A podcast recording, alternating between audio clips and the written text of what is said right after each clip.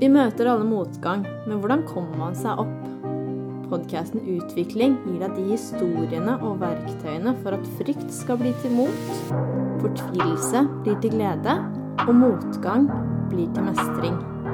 Jeg er Annie, Og jeg er Ole. og vår jobb er å inspirere deg til å få utvikling. Velkommen til vår podkast. Dette her er jo litt annen episode enn det vi pleier å ha. Annie. Ja, det her er en episode med en refleksjonsoppgave. Yes, og dette tenker vi kan være en fantastisk episode å komme tilbake til litt flere ganger. Mm. Rett og slett gå tilbake og gjøre den oppgaven igjen og igjen. Men også når du har gjort den, gå tilbake og se om du faktisk gjør de riktige prioriteringene. Fordi når du gjør én prioritering, så vil det gå utover noe annet. Og det også kan være fint å se tilbake til og reflektere over det også. Let's go. Nå er jeg spent. Ja. Jeg gleder meg til at vi skal, for det første, vi skal ha med deg, Rasmus. Tack så mycket. Vi har jo hatt en episode med Rasmus tidligere, og han er jo veldig interessert i å utvikle seg. Så i dag skal vi ha en litt annerledes episode med en refleksjonsoppgave hvor rammen er ending mindset. Kan ikke du fortelle litt mer om det? Eh, ja, det kan jag göra. Så jag sitter ju nu och skriver en bok som jag och Susanne eh, skulle skriva tillsammans, men nu har jag ju änt upp med att ska skriva den själv då. Eh, så den reflektionsuppgaven som jag tänker dela är med i boken, men jag ska komprimera den lite då så att det inte är jättemånga sidor, utan jag ska försöka göra den så att den är lite som podcastvänlig. Så det första dere kan göra är att trycka på pause, och då finner dere frem penn og papir. Har du funnet fram penn og papir nå, eller? Hva er det du kaller denne her øvelsen? Jag kallar den eh, typ 85-årsbrevet eller typ 85-års-reflektionsuppgiften kan vi kalla det här då. Eller 85, jag säger 85 för att typ snittåldern i eh, Skandinavien för kvinnor är 84 och för män så är det 81. Och då tänker jag 85 är lite sån här avrundning upp, uppåt då. För vi kanske vill leva lite längre. Utan den här reflektionsuppgiften, eller jag vill ändå så här bädda in det lite och förklara varför det är en viktig uppgift och att man då ska titta lite mer i det större perspektivet. Och varför ska man då vilja tänka på den dagen när man ska dö? Det kan man ju tänka är lite sån kontraproduktivt för det är ju inte någonstans som vi vill komma till. Ja, Det virker jo litt rart. Hvorfor skal jeg snakke om siste dagen i livet når jeg har lyst til å oppnå disse tingene i livet mitt? Ja, på vägen på ett på sätt. veien Ja. til at Ja, och man vill ju inte längta fram till det. Men uppgiften handlar egentligen om att se tillbaka då, men jag vill ändå så här poängtera varför det är viktigt att starta med slutprodukten då. För att se att vi då är en slutprodukt sista dagen vi dör, då är vi en typ av person. Och den personen kommer vi vara mer eller mindre alltid. Frågan är om vi själva vill bestämma hur den personen är den dagen. Men bara för att typ ta en metafor för att för, få er att förstå vikten av det då. Säg att, ni, säg att vi skulle bygga ett hus tillsammans. Vad är det man första man gör då? Då åker man inte till Maxbo och börjar köpa brädor och betong och måla färg utan du startar med ritningen. Du startar med att visualisera hur du vill att huset ska se ut när det är färdigt och du tar vissa beslut över, okej, jag vill att det ska ha en sån här fasad med den färgen. Jag vill att det ska vara två våningar, jag vill att det ska vara så här många rum, jag vill ha en veranda, jag vill ha en balkong, jag vill ha den här typen av tak. Men du, du börjar med slutprodukten. Det gör du alltid. Eh, och sen går du tillbaka till nuet och sen åker du till Maxbo. Och det borde man egentligen göra med livet också. Man startar med slutprodukten om man nu skulle säga att vi är en slutprodukt sista dagen vi lever. Och sen jobbar man därifrån för det gör det lite lättare. Dels så är det lättare att kanske inte drömma stort men alltså att man blir lite mer ärlig med sig själv för att när vi tar beslut ifrån nuet så är det väldigt lätt att bli påverkad av vår livssituation där vi är just nu och blir väldigt påverkade av de födelserna vi har i nuet. Som i sin tur gör så att vi inte vågar ta de besluten, att vi låter de rädslorna vi har påverka vår, vårt beslut, våra beslut som vi tar varje dag. Så reflektionsuppgaven är alltså följande då. Det är att vi visualiserar oss att vi transporterar oss till den absolut sista dagen i vårt liv. Och att det är en fin plats. Alltså att vi inte att vi inte gör någonting negativt kring det utan vi kan bara tänka att vi sitter liksom i en fåtölj och eh, tittar upp och sen ser vi att vi sitter i ett rum och är väldigt behagliga. Vi tittar ut genom vindu och sen tittar vi, nu ska vi visualisera, eller tänka tillbaka på vårt liv. Och hur har det sett ut? Den här dagen kommer på ett eller annat sätt, kanske inte just i en fåtölj i ett rum, men den dagen kommer komma. Och vad är det för typ av liv vi egentligen vill titta tillbaka på? Och då menar jag inte, det är väldigt lätt i vårt samfund att man värderar då, jag vill ha den här årslönen, jag vill ha den här typen av lägenhet, man fokuserar på alla de här materialistiska saker. Men det jag vill poängtera där är att vem vill jag vara som person den dagen? Vilka relationer vill jag ha tittat tillbaka på? Vad har jag haft för typ av människor? Vad sitter jag igen med för insikter, med lärdomar och allt det här runt omkring då? Och mer de interna tingerna än de externa. Även om de externa tingerna är viktiga. Men om vi kan kontrollera de interna, för det är någonting vi vet att vi har kontroll på. Rett og slett hva slags liv du ønsker å se tilbake til. da. Hva er det du har lyst til å være stolt for? En ting jeg liker å tenke på, da, hva, hvordan har jeg lyst til å bli sett på? Hvordan har jeg lyst til min legacy skal være? Rett og slett Ole var den personen. Og at man er tilfreds og har en spesiell ro i livet, og om at man har gjort det man önskat göra med livet. Då. Och att man då, även om man kanske är 20 eller 25 och 30, att man prövar att ställa sig de e- egentligen djupa spörsmålen som avgör vem du är. För någonstans i den här processen måste du också finna ut Alltså vem är jag och vad vill jag? För det är stora eh, spörsmål som kanske tar väldigt lång tid att svara på. Men så länge man söker efter de svaren så kommer man till slut hitta dem. Och vissa svar kommer kanske av ren livserfarenhet. Att vi tror att vi bara kan ställa oss en fråga eh, här och nu och sen bara okej, okay, men jag vet svaret. Men det kanske tar lite tid innan vi får det svaret, men det viktigaste är att vi inte slutar ställa oss de frågorna som då är väldigt avgörande, som i sin tur kan vara en kompass för oss när vi då går genom livet. Folk tänker ofta på detta här eh, runt nyttår. Mm. Men kanske något problem är att de gör det bara runt nyttår också. Precis, och det, problemet, eller Alltså, när man då man kommer till nyttår och helt plötsligt så har man stressat igenom ett helt år och sen man inser man att oj, tiden har gått väldigt fort och man tittar tillbaka lite på året. Och sen ser man fram och sen börjar man de här nyttårslöftena och nyttårsförsätterna. Men det är tatt ur kontext. Det är väldigt svårt att sätta ett mål och man tittar väldigt kortsiktigt. Och man blir då också väldigt påverkad av sin omgivelse och kanske sätter de här väktmålen. Okej, okay, jag ska ner så här mycket till sommaren, det typiska liksom. Men man gör det, det blir en extern faktor och det är kanske är ens omgivelse som vill att du ska ner i vikt. Istället för att man då söker på dybden att så som vi pratade om tidigare, att okej, okay, på den 85-årsuppgaven då, att vi tittar tillbaka. Om du har svarat på spörsmålen där och svarat på frågorna, eller spörsmålet, vad vill jag ha haft för kropp genom mitt liv? Har jag velat haft en stark kropp som har klarat allting som jag har satt den inför? Har jag velat haft en bra hälsa? Har jag... Eh, hur har den fungerat? Har jag liksom... Eh, har den varit ett problem för mig? Jag tror de flesta där skulle svara Nej men jag vill ha en välfungerande kropp som jag är stolt över, som alltid fungerar, som ger mig hög energi, som alltid mår bra. Och då är det mycket lättare att ta det här valet till sommaren för att då tittar vi i det stora hela. Man har ett, en större hänsikt med de här träningsökterna. Det är inte bara ah, mina vänner, jag tror att mina vänner tror att jag är överviktig och det är därför ska jag gå ner i vikt. För då, det är en extern faktor. Det kommer aldrig hålla i det långa loppet. Men om man då skapar den här interna faktorn att man, man gör det för sig själv, man gör det för att ha ett bra liv. Då är det mycket lättare, om man kommer in i de tankebanorna så är det mycket lättare lättare att få de här rutinerna för man börjar förstå att det har betydelse. För tiden kommer börja rulla.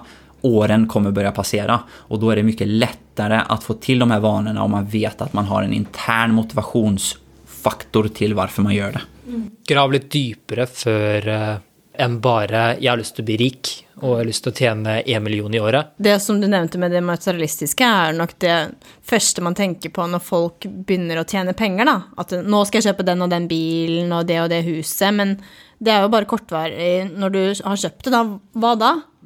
Det hjälper ingenting om du har det fetaste huset om du inte är lycklig. Och det är också det här, om man förstår då hur människan fungerar, för vi människor vänjer oss till ting. Så även om just i den här köpprocessen kring en, kanske en bil, så får du en viss typ av lycka, men den försvinner. För du kommer sätta den där bilen varje måndag, tisdag, onsdag, torsdag, fredag, lördag, söndag. Och det blir en vana. Och sen försvinner den lyckan. Och det ser man ju i forskning och studier kring lycka, att materialistiska ting slår ikke opplevelser og de her andre tingene. Den Porschen blir Den blir det. eh, tredje gangen, liksom, for det blir bare sånn Å ja, jeg skal kjøre Porsche, ja. Jeg kjører ikke noe annet, ja. Og så blir det sånn at andre kan sikkert tenke Wow, du har fått en Porsche, noe så jævlig kult, men du er jo vant til det, så hvorfor skal jeg liksom Ja, det er jo bilen liksom.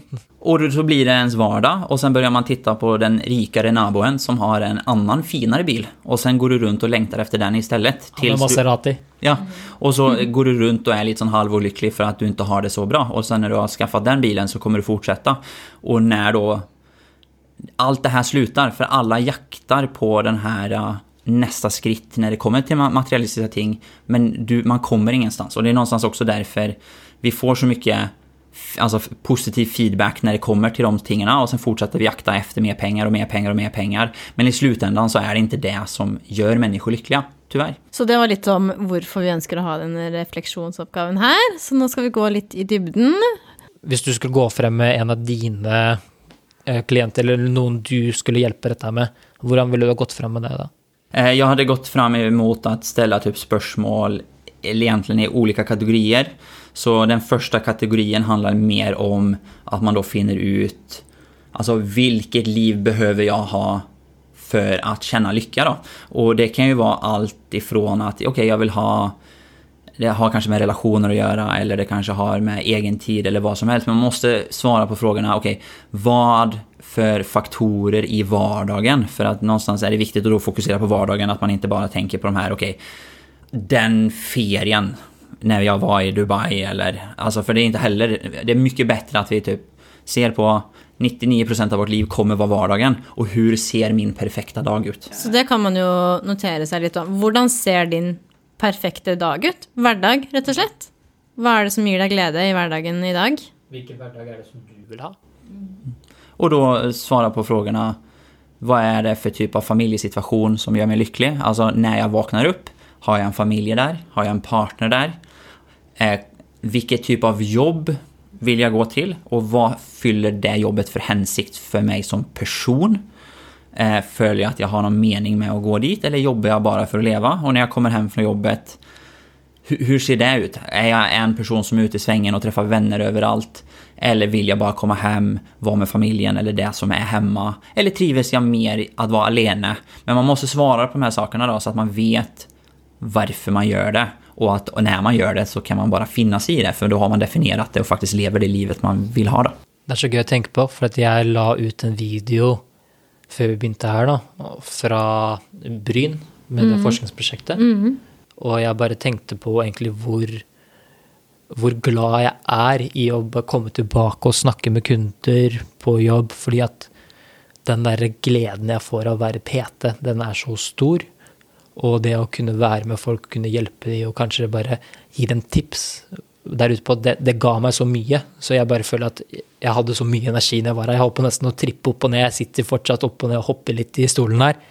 Rett og slett fordi at det, det var liksom den, den gleden, da. Og det har jeg lyst til å stå opp med. Så det er kanskje en ting jeg skal skrive ned. Så, så hvis man ska skal narrow it down, da, så, så blir det å tenke på først og fremst familie, de som er der i hverdagen, eller eventuell partner, og hvordan dine vennlige relasjoner er rundt deg, og hvordan ditt forhold til jobb er. Familie får man kanskje ikke gjort noe med, men eh, for de er Men det, där kommer det också till eh, den här Alltså de här cirklarna av kontroll och vad vi kan influera och vad som är utanför vår kontroll då. För vi har ju liksom, säg att vi har en cirkel med kontroll och det vi kan kontrollera det är ju liksom okej, vad är min respons till allting? Vad är det jag tänker? Vad är det jag tycker? Allting som sker inom dig och sen har du en cirkel med influens då. Och där, där är ju din omgivning i form av familj. Så även om du inte kan välja familj så kan du påverka din familj. Eh, och det är ju ett kanske större projekt men du har makten över att faktiskt kunna påverka det. Man kanske har försökt och det kanske inte går i vissa familjesituationer. Men man har mer påverkningskraft än vad man tror så länge man definierar vart man vill gå någonstans som familj. För jag tror att om man skulle ställa objektivt frågan till alla familjemedlemmar i alla familjer. Om man säger vill vi ha en bra familjerelation? Så skulle de flesta säga ja. Men sen måste man sätta sig ner och faktiskt definiera det.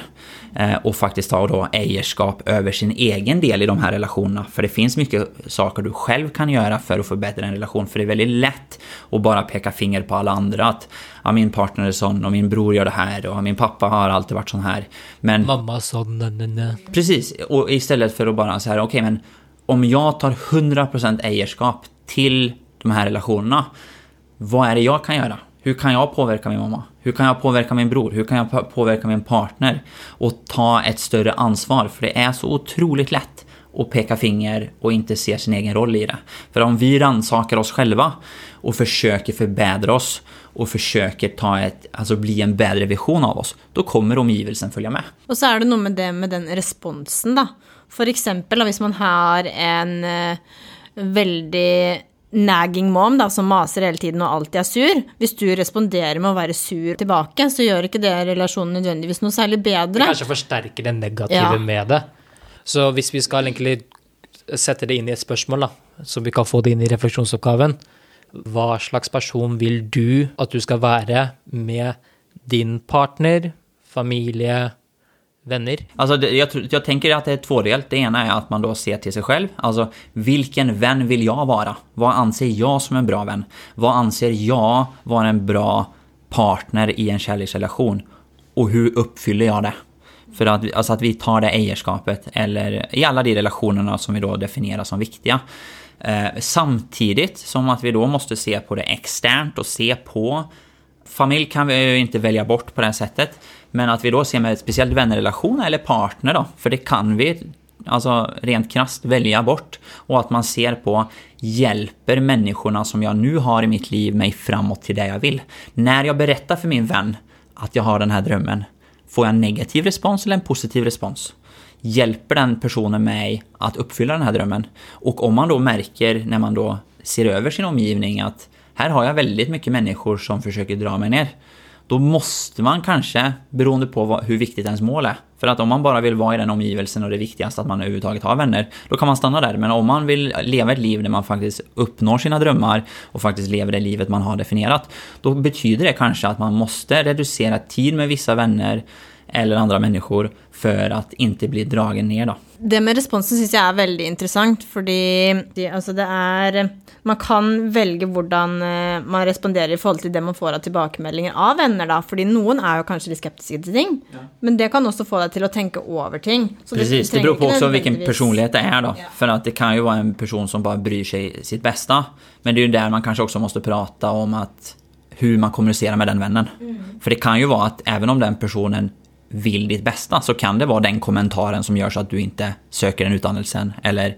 gör det du vill eller vad det än kan vara. Att det faktiskt har en stor influens över ditt, din kapacitet att ta det valget. Faren min vill bara det bästa för mig. Jag vet det, för pappa är väldigt glad i mig. Och eh, han någon gånger, när vi snackade om för exempel PT igen, hallå, och eh, då var det liksom eh, Hvorfor, hvorfor er du Dette her er et veldig usikkert yrke, litt sånne ting, da. Uh, hvordan skal du klare å tjene nok penger til dette her, hvordan skal du gjøre det her? Det er egentlig spørsmål, for at han er veldig glad i meg, men han stiller de kritiske spørsmålene for at jeg skal egentlig begynne å tenke. Det har jeg egentlig begynt å tenke på før. I starten så var det sånn her Herregud, du vil jo ikke at jeg skal få til noen ting. Du vil ikke at jeg skal lykkes med det jeg har lyst til å gjøre. Men det var jo egentlig fordi at han tenkte at Eller det var egentlig for at han ville at jeg skulle ha det bra. Han tenkte kanskje at det hadde vært lurere for meg å gå et tryggere yrke, i den forstand. Men igjen, da, så var det liksom at når jeg begynte å tenke gjennom det her, da, så fant jeg faktisk grunner til å ja, kanskje jeg burde tenke mer på hvordan jeg skal overleve i dette yrket. Og da, da gjorde jeg egentlig det, og tok det inn i hvordan jeg skulle klare å lykkes med det her. Og da fant jeg en måte som passa meg bedre, og gjorde at jeg kunne faktisk overleve på yrket. Så man kan altså ta med de negative responsene inn i sin egen koding da, på hvordan du utvikler ting videre når man är på ett veivalg, da? Precis, och sätta det då i kontext för alla kommer ge råd utifrån sin egen verklighet och sanning och sin personlighet. För att din pappa har säkert behov av den tryggheten och det är därför han ställer sig de spörsmålen.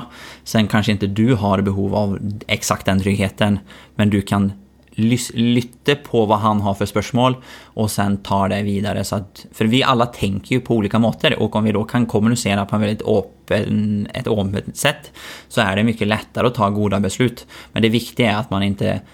He, alltså man ska ju be om råd till sin omgivelse.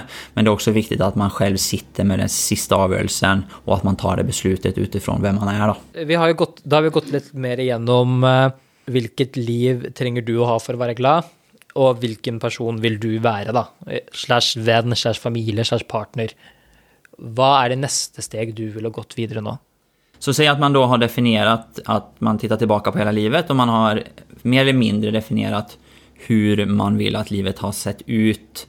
Det är interna relationer och allt det här då. Eh, vilket är väldigt bra. Sen tänker jag nästa steg ska vara, okej okay, men var är jag nu? Och att man då ser på nuet och kartlägger det. Och där finns det ju en, en uppgift som väldigt många typ mentalcoacher använder och sådana saker som är, handlar om livshjulet. Mm. Där man då, och det finns ju många variationer på det, men att man typ gör en cirkel, så det kan man göra på papiret. Eh, och sen eh, delar in den här i alltså typ 8 eller 12 kategorier. Eh, och man kan skapa den här helt själv och, eh, med vad man tycker är viktigt i livet. Men några som jag har på min dag som jag ger mina kunder, det är liksom att eh, mellan 1 och 10 då, att man ska kategorisera de här tårtbitarna som, eh, eller vad säger man på norsk? Kakebit. Kakebitarna. Mm. Och då kan man liksom mellan 1 och 10 ha kategorier så som, för nu tar jag bara några exempel då. Men liksom kärlek eller partner, hur socialt nätverk, alltså vänner, hur, hur viktigt, alltså hur, vad är statusen just nu mellan 1 och 10 på de här sakerna? Familj, omgivelse, alltså bostad, är jag nöjd med där jag bor? Eh, personlig utveckling, alltså får jag den personliga utvecklingen jag tränger idag? Eller tränger jag mer? Eh, är jag nöjd, och sen är en ny kategori är karriär och arbete, studier. Är jag på den studierna som jag vill vara? Är jag på det jobbet jag vill vara? Eller vet jag att jag är på väg mot det som jag vill. Och sen också ekonomi, välstånd, eh, hobby. Gör jag det jag vill på min fritid? Eller försvinner min tid? Och sen fysisk hälsa, eh, typ välmående är också väldigt, alltså mår jag bra med mig själv? Och sen också kanske känsla av mening eller hänsikt i livet i helhet liksom. Detta verkar som något jag inte kunde ha gjort eh, på 1, 2, 3. Hur är det jag ska finna ut av detta? Alltså jag tänker att det viktigaste är att man tar sig tid till det. För att i vårt samfund så är det så otroligt lätt att man två, när du liksom inte har någonting att göra på fem sekunder så ryker telefonen upp och sen matar du din hjärna med Instagram eller Facebook eller nyheterna. Men att man faktiskt tar sig tid för reflektion. Att man kanske går ut i, eh, alltså i Marka och sätter sig med penna och papper och faktiskt tänker. Att man lämnar kanske telefonen hemma och tar med sig penna och papper och man kanske skriver ner de här kategorierna och, och sen faktiskt ser väldigt naket på ens liv. Alltså vad definierar jag som en tier i relationer? Har jag det? Om jag kommer fram till att bara shit, jag har bara en treer liksom. Vad är det som hindrar mig från att ha det jag vill. Och att man kanske då går igenom med sig själv och tänker och reflekterar kring vad håller mig tillbaka på det här som... För när du har gjort det här livshjulet då, så ser du vilken kategori av de här sakerna som jag sa som har då sämst resultat. Och det är troligtvis det du ska fokusera mest på. Nu ska jag komma lite med en kritisk syn, för att jag tänker lite grann ändå eh, för det första så tänkte jag lite sånn Hur kan jag veta att eh, detta här är nog eller inte? Eh, det är ett sånn spørsmål jeg lurer litt på nå. Hvordan kan jag veta att jag trenger nok eh, Har jag fått nok personlig utveckling, eller är det något mer jag trenger? Det är det som är otroligt personligt. Och det är där processen är att man måste lära känna sig själv och någonstans också se hela Alltså, när, säg att man skulle alltså, se tillbaka och reflektera kring ett helt år. Att man ser sån här när på året har jag känt mig mest stimulerad? När har jag mått bäst i relationerna eh, som jag har? Så säg att jag har med vänner då. När jag har, hade, sommaren var helt underbar för då var jag ute en gång i veckan med vännerna. Då kanske man definierar det här. Det här var en bra frekvens med vänskapsrelationer. Eller då eh, fysisk hälsa. Att man ser tillbaka. Har jag haft en tier någon gång i mitt liv? Ja, men det var när jag var 27 år och fick till tre gånger i veckan. Då hade jag energi, jag var nöjd med mig själv, jag kunde ställa mig naken framför spegeln och bara det här, det här är jag nöjd med. Eh, då, är, då vet man att ja, men det, det är en tier. Eh, och göra det på ekonomi och allting runt omkring också då. Att man kanske reflekterar kring, har jag haft en väldigt bra plats i livet där jag har varit väldigt nöjd i det här ämnet? Och sen att man inte då tänker liksom, okej, okay, för att jag ska ha nöj, vara nöjd med ekonomi då, så ska jag bo i 120 miljoners villan ute på Snaröja och ha tre båtar och fem Tesla liksom. Utan mer så här att, är det någon gång i livet där jag har varit nöjd i det här och då hittar man sin, alltså, sin nivå som man är nöjd med. Sen ska man ju aldrig sluta eftersträva en, en större, men man ska inte heller ligga på en nier Eh, tror jag då, och tro att man, och sen inte vara nöjd, för där kommer vi in med mindset och perspektiv. För att om du hela tiden är en, säg att du har en personlighet som är en prestationspersonlighet, då kommer du kanske ha egentligen nior och tior på allting i hjulet, men ändå är du inte nöjd. Målet här är ju hur kan jag, vilket liv tränger jag för att vara glad? Och då är det kanske lurt att finna ut det. Så om du, du är en av de som kanske får glädje av de där, eh, den 120 miljoners villan på Snarhöja med de tre båtarna som ligger vid sidan, så gå för det. Precis, det är ju möjligt. Men då måste man någon gång också, man måste ju definiera vad är det jag blir glad och lycklig över? Om det är det, så är det det du må jobba för och du må inse att det krävs kanske mycket tid och engagemang inom vissa saker ekonomiskt för att det ska ske. Men allting är ju möjligt. Om man sätter lite i perspektiv med, i förhållande till corona nu då, så, så tror jag folk har tänkt akkurat på det där, att vad är det som egentligen betyder något då? Och kanske någon har funnit ut att du måste faktiskt sälja den villan de har brukt år på att få för att rädda familjen. Och då kanske finner du ut att det var kanske inte det jag likte akkurat då? Men det är det som är inte, alltså tror jag då, jag tror att corona har varit väldigt dåligt för väldigt många människor i familjesituationer och det har dels kanske förstört familjer och allt möjligt men mm. när människor är med om ett, någon typ av trauma, inte för att corona kanske är ett trauma, men när status quo förändras väldigt drastiskt så som det gör med corona eller i mitt fall när alltså min kone dog så är det mycket som ställs på sin spets. Mm. Eh, och det finns mycket lärdomar att dra där. Och det handlar ju absolut om att fortsatt se möjligheterna. Ja, och, och ha det här eh, ljuset i tunneln då. För att om man tittar på alla människors liv, säg bara här i Norge då, så det är väldigt få människor som går igenom ett liv utan att vara med om en emotionell stress.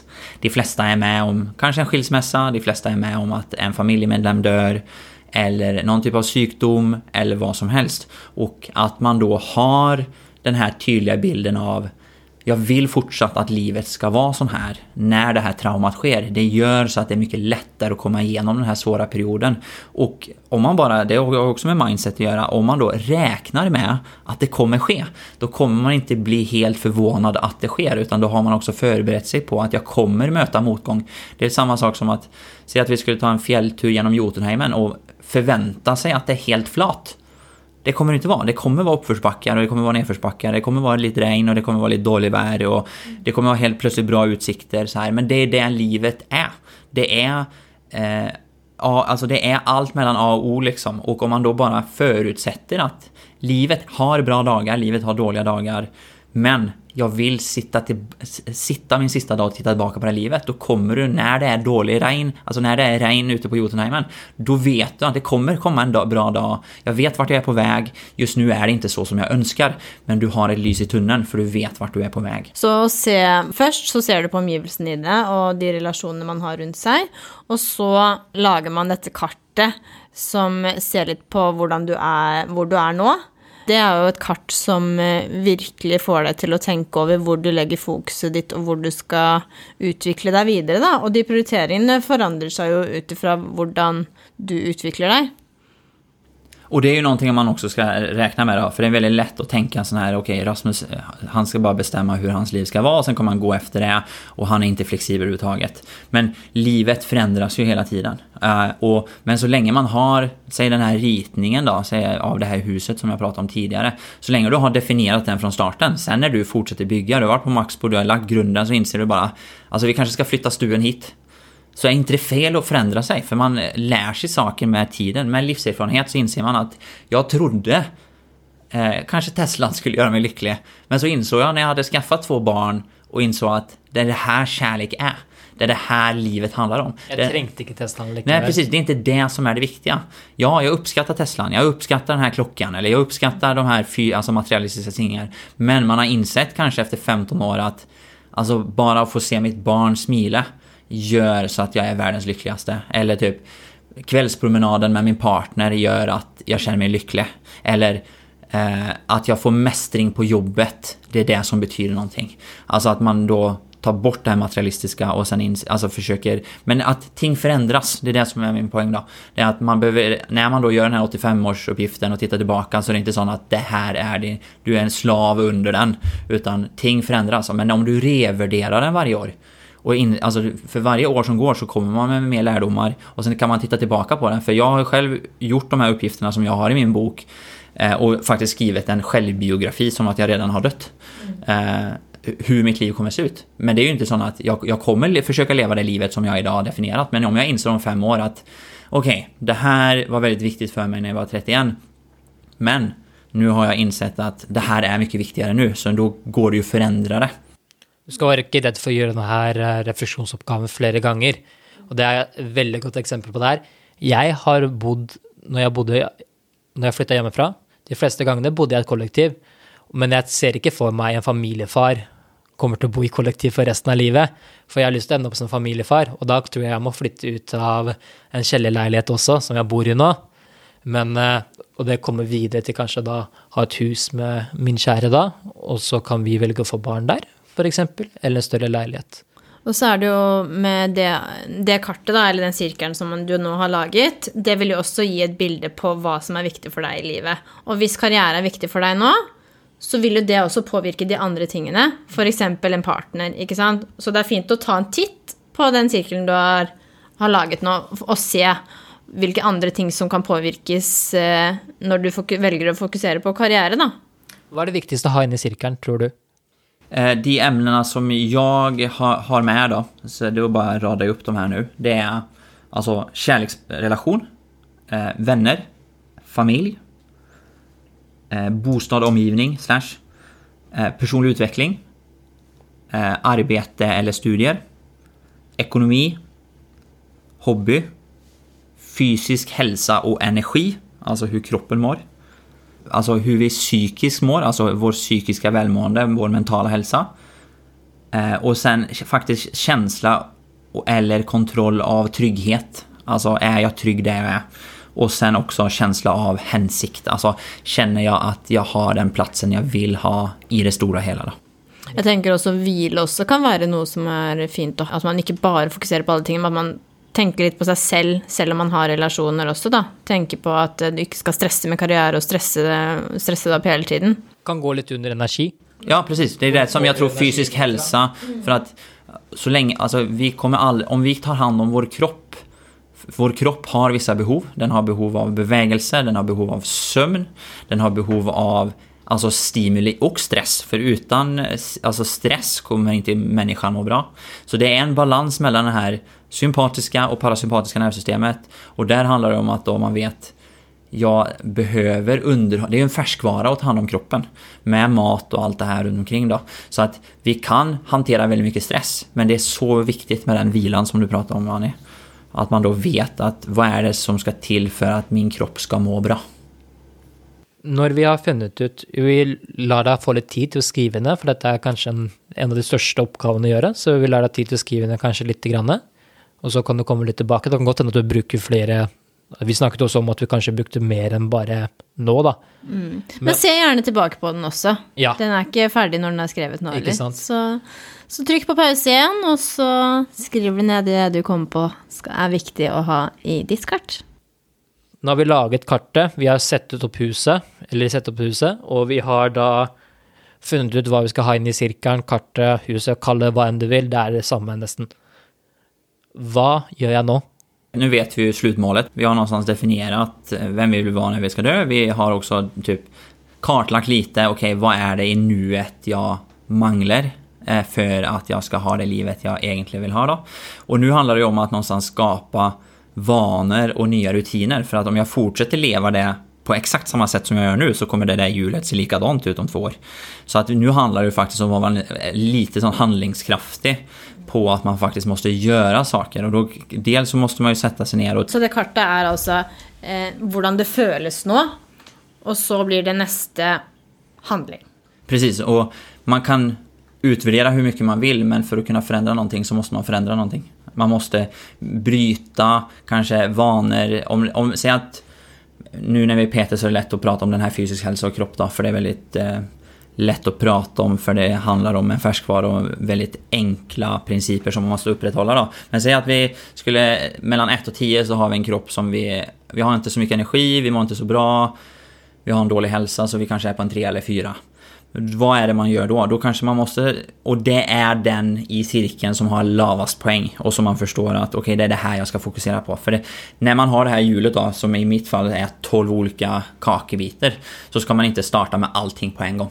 Utan man, man tänker ut... Det blir allt för mycket. Det blir allt för mycket. Utan det bästa är, det finns en väldigt bra bok som jag rekommenderar som heter The One Thing. Som han, konceptet, principen kring det, det handlar om att hitta den enda saken som har absolut mest betydelse. Eh, och när det här kommer till hjulet då, så säg att du inte då blir överväldigad av att oh shit, nu är det väldigt många ting jag ska börja ta tag i och sen är det ju egentligen en uppskrift för att misslyckas. Men säg att du nu tittar på det här hjulet och sen får du bara välja ut en enda sak. Du får bara välja en enda vana du ska starta med.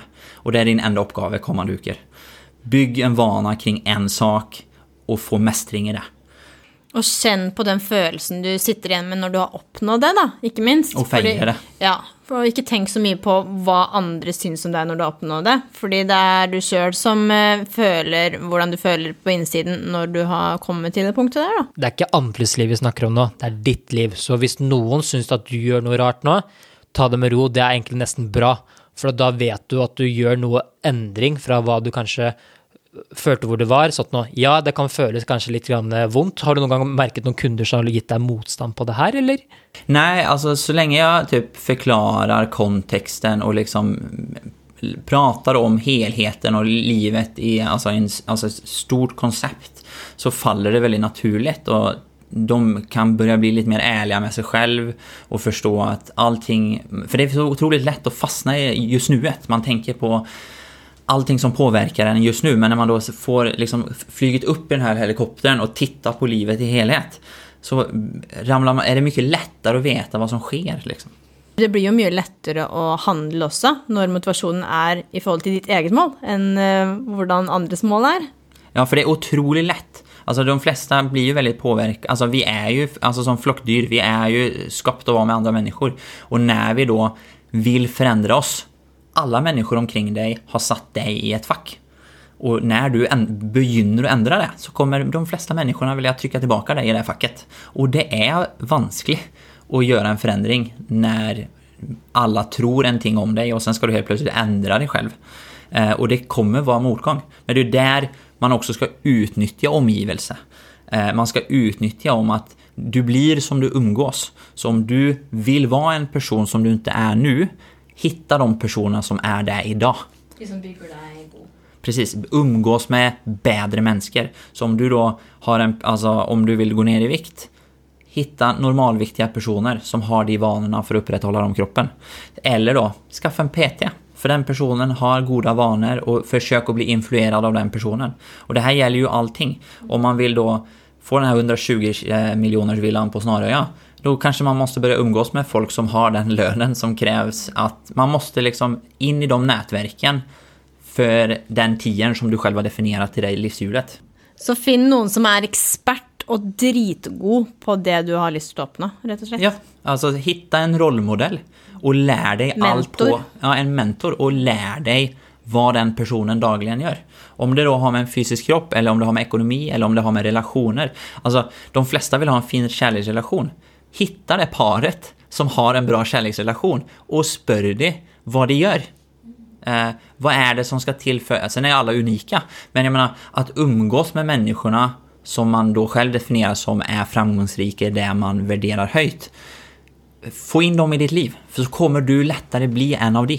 När man ska börja lägga in de nya vanorna, vi snackade lite grann om det nu, eh, kan du gå rätt specifikt, vad är det du plejer att göra? För det första så skulle jag nog bara välja en vana och försöka hitta den då som har väldigt stor betydelse. Eh, och sen finns det ju olika tekniker för att här, man ska få till den här vanan då. Och det eh, några sådana tekniker kan vara att den inte ska vara alltför stor. Alltså att man ska skapa en vana som är relativt enkel att få mästring till och sen är det bättre att öka den. Så att man får en, alltså, så att man inte börjar och tänker att man ska börja träna då. Ja, jag ska börja träna sju dagar i veckan. Det är liksom, då sätter man upp en plan för att misslyckas. Utan då kanske det är så här, ja men jag ska, för det gör jag med mina kunder, för det är så här, när jag frågar hur många gånger i veckan kan de träna, så säger de så här, jag får till fyra då. Men då sätter vi alltid tre. Mm. för att vi måste skapa den mästringen. Vad är realistiskt egentligen och vad är uppnåeligt? För att vi, du vill ju kanske pröva få tag i ett moment, då, så de börjar att få, liksom, att du börjar att plocka upp lite och du känner den där mästringen du nämnde i stad.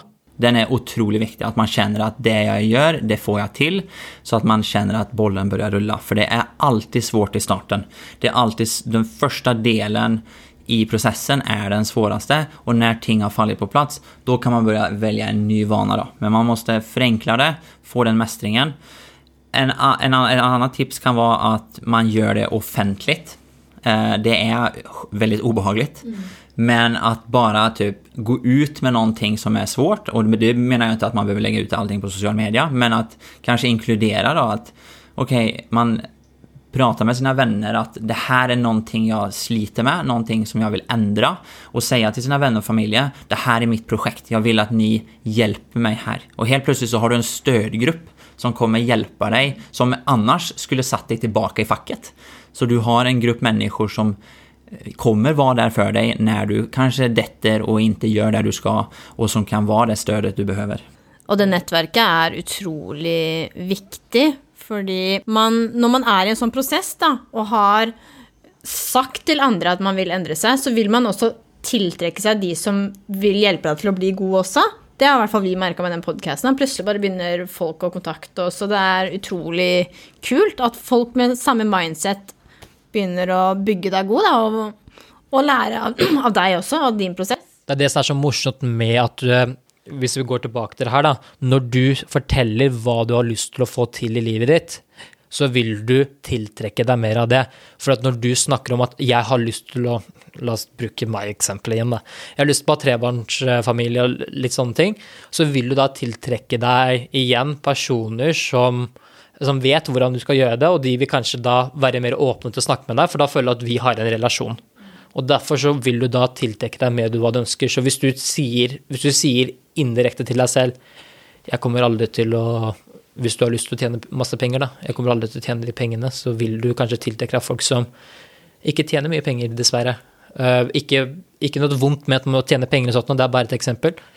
Og hvis du sier at jeg har lyst til å komme meg i form å gjøre det, så blir det kanskje mer sånn herre Å ja, men da kan jeg vise deg, da. Så kommer kompisen din som sykler eh, 200 km i uka, til å hjelpe deg, da. For han vet hvordan kanskje om man kommer bedre i form i starten, da. Eller du bare til og med Du, jeg kan kontakte deg med PT-en min som hjalp meg å komme dit jeg er i dag. Og så er det jo kanskje noen som til og med også tenker når det er tegnet, den, det kartet her, at det her blir altfor mye for meg å gjøre, for jeg må gjøre det alene. Ikke vær redd for å slippe folk inn på den reisen. Du merker selv hvem du vil slippe inn av de som kommer og vil være med. Så det er også noe man kan tenke på når man skal involvere andre da, i prosessen. Eh, ett par tips till då, det är att vi har vanor idag och det man, när man då ska skapa en ny vana, det är att det är väldigt lurt att para ihop den nya vanan med en gammal vana.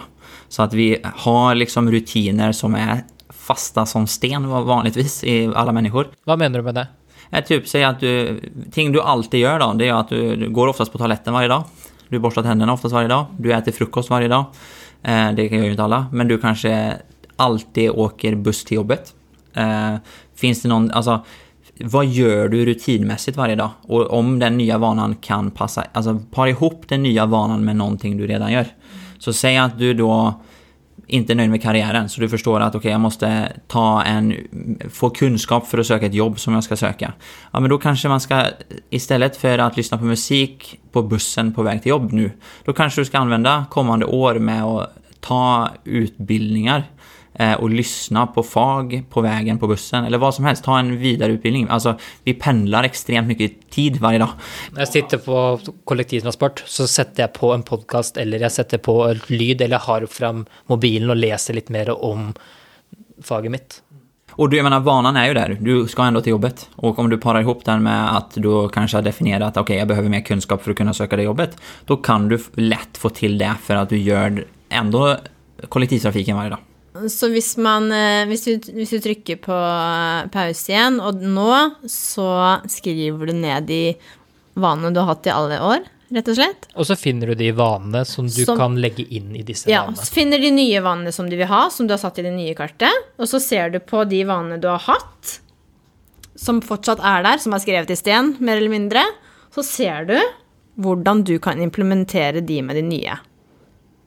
Nå har vi gått gjennom veldig mye. Nu har vi gått igenom eh, finna vilket liv du trenger för att vara glad- glad.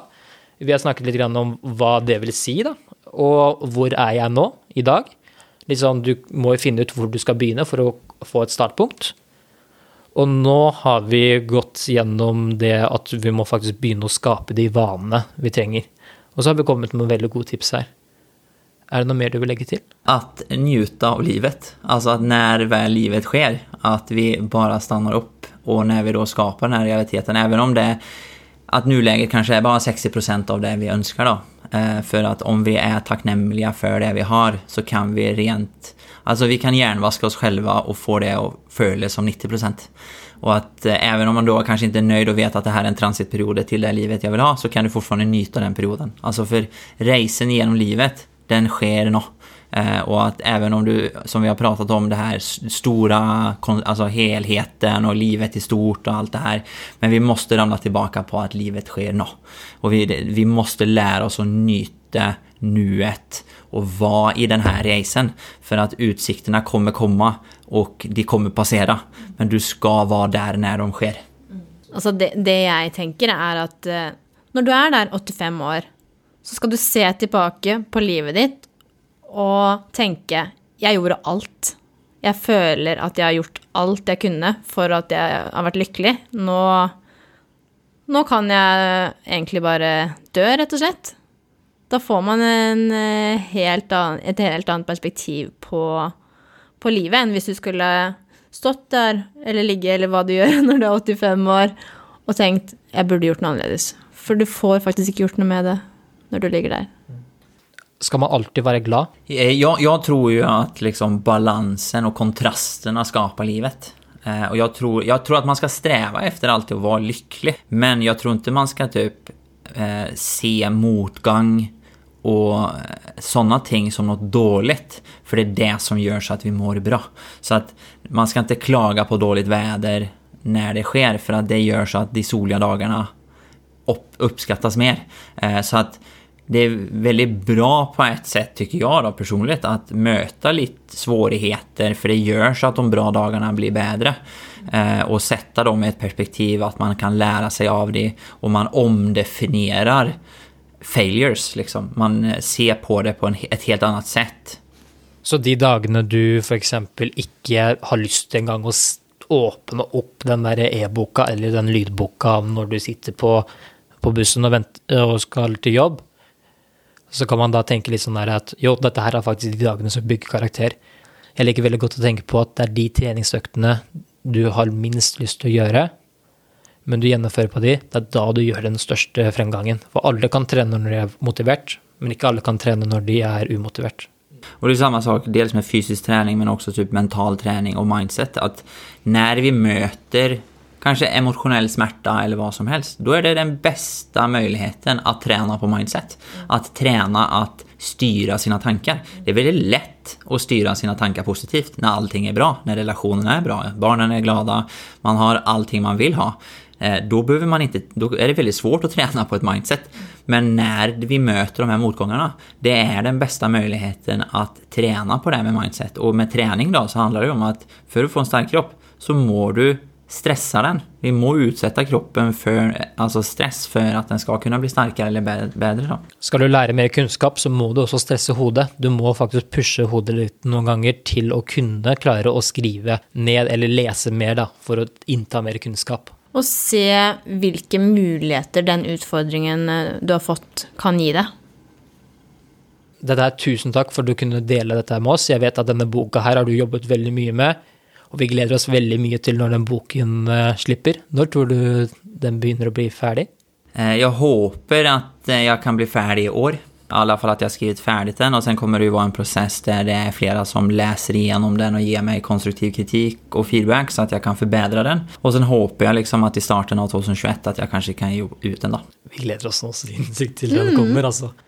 Jeg vil igjen takke Rasmus for en fantastisk episode, og til dere som lytter på, ta frem dette arket igjen og se på det her gjennom året ditt, og så bare sjekke om hvor er du i forhold til dine prioriteringer. Eller så kan du gjøre oppgaven helt på nytt, for kanskje prioriteringen har endret seg helt også i forhold til din eh, livssituasjon. Eller bare deler, og så finner du kanskje ut hvor du skal være, da, så du kan stake frem din retning igjen.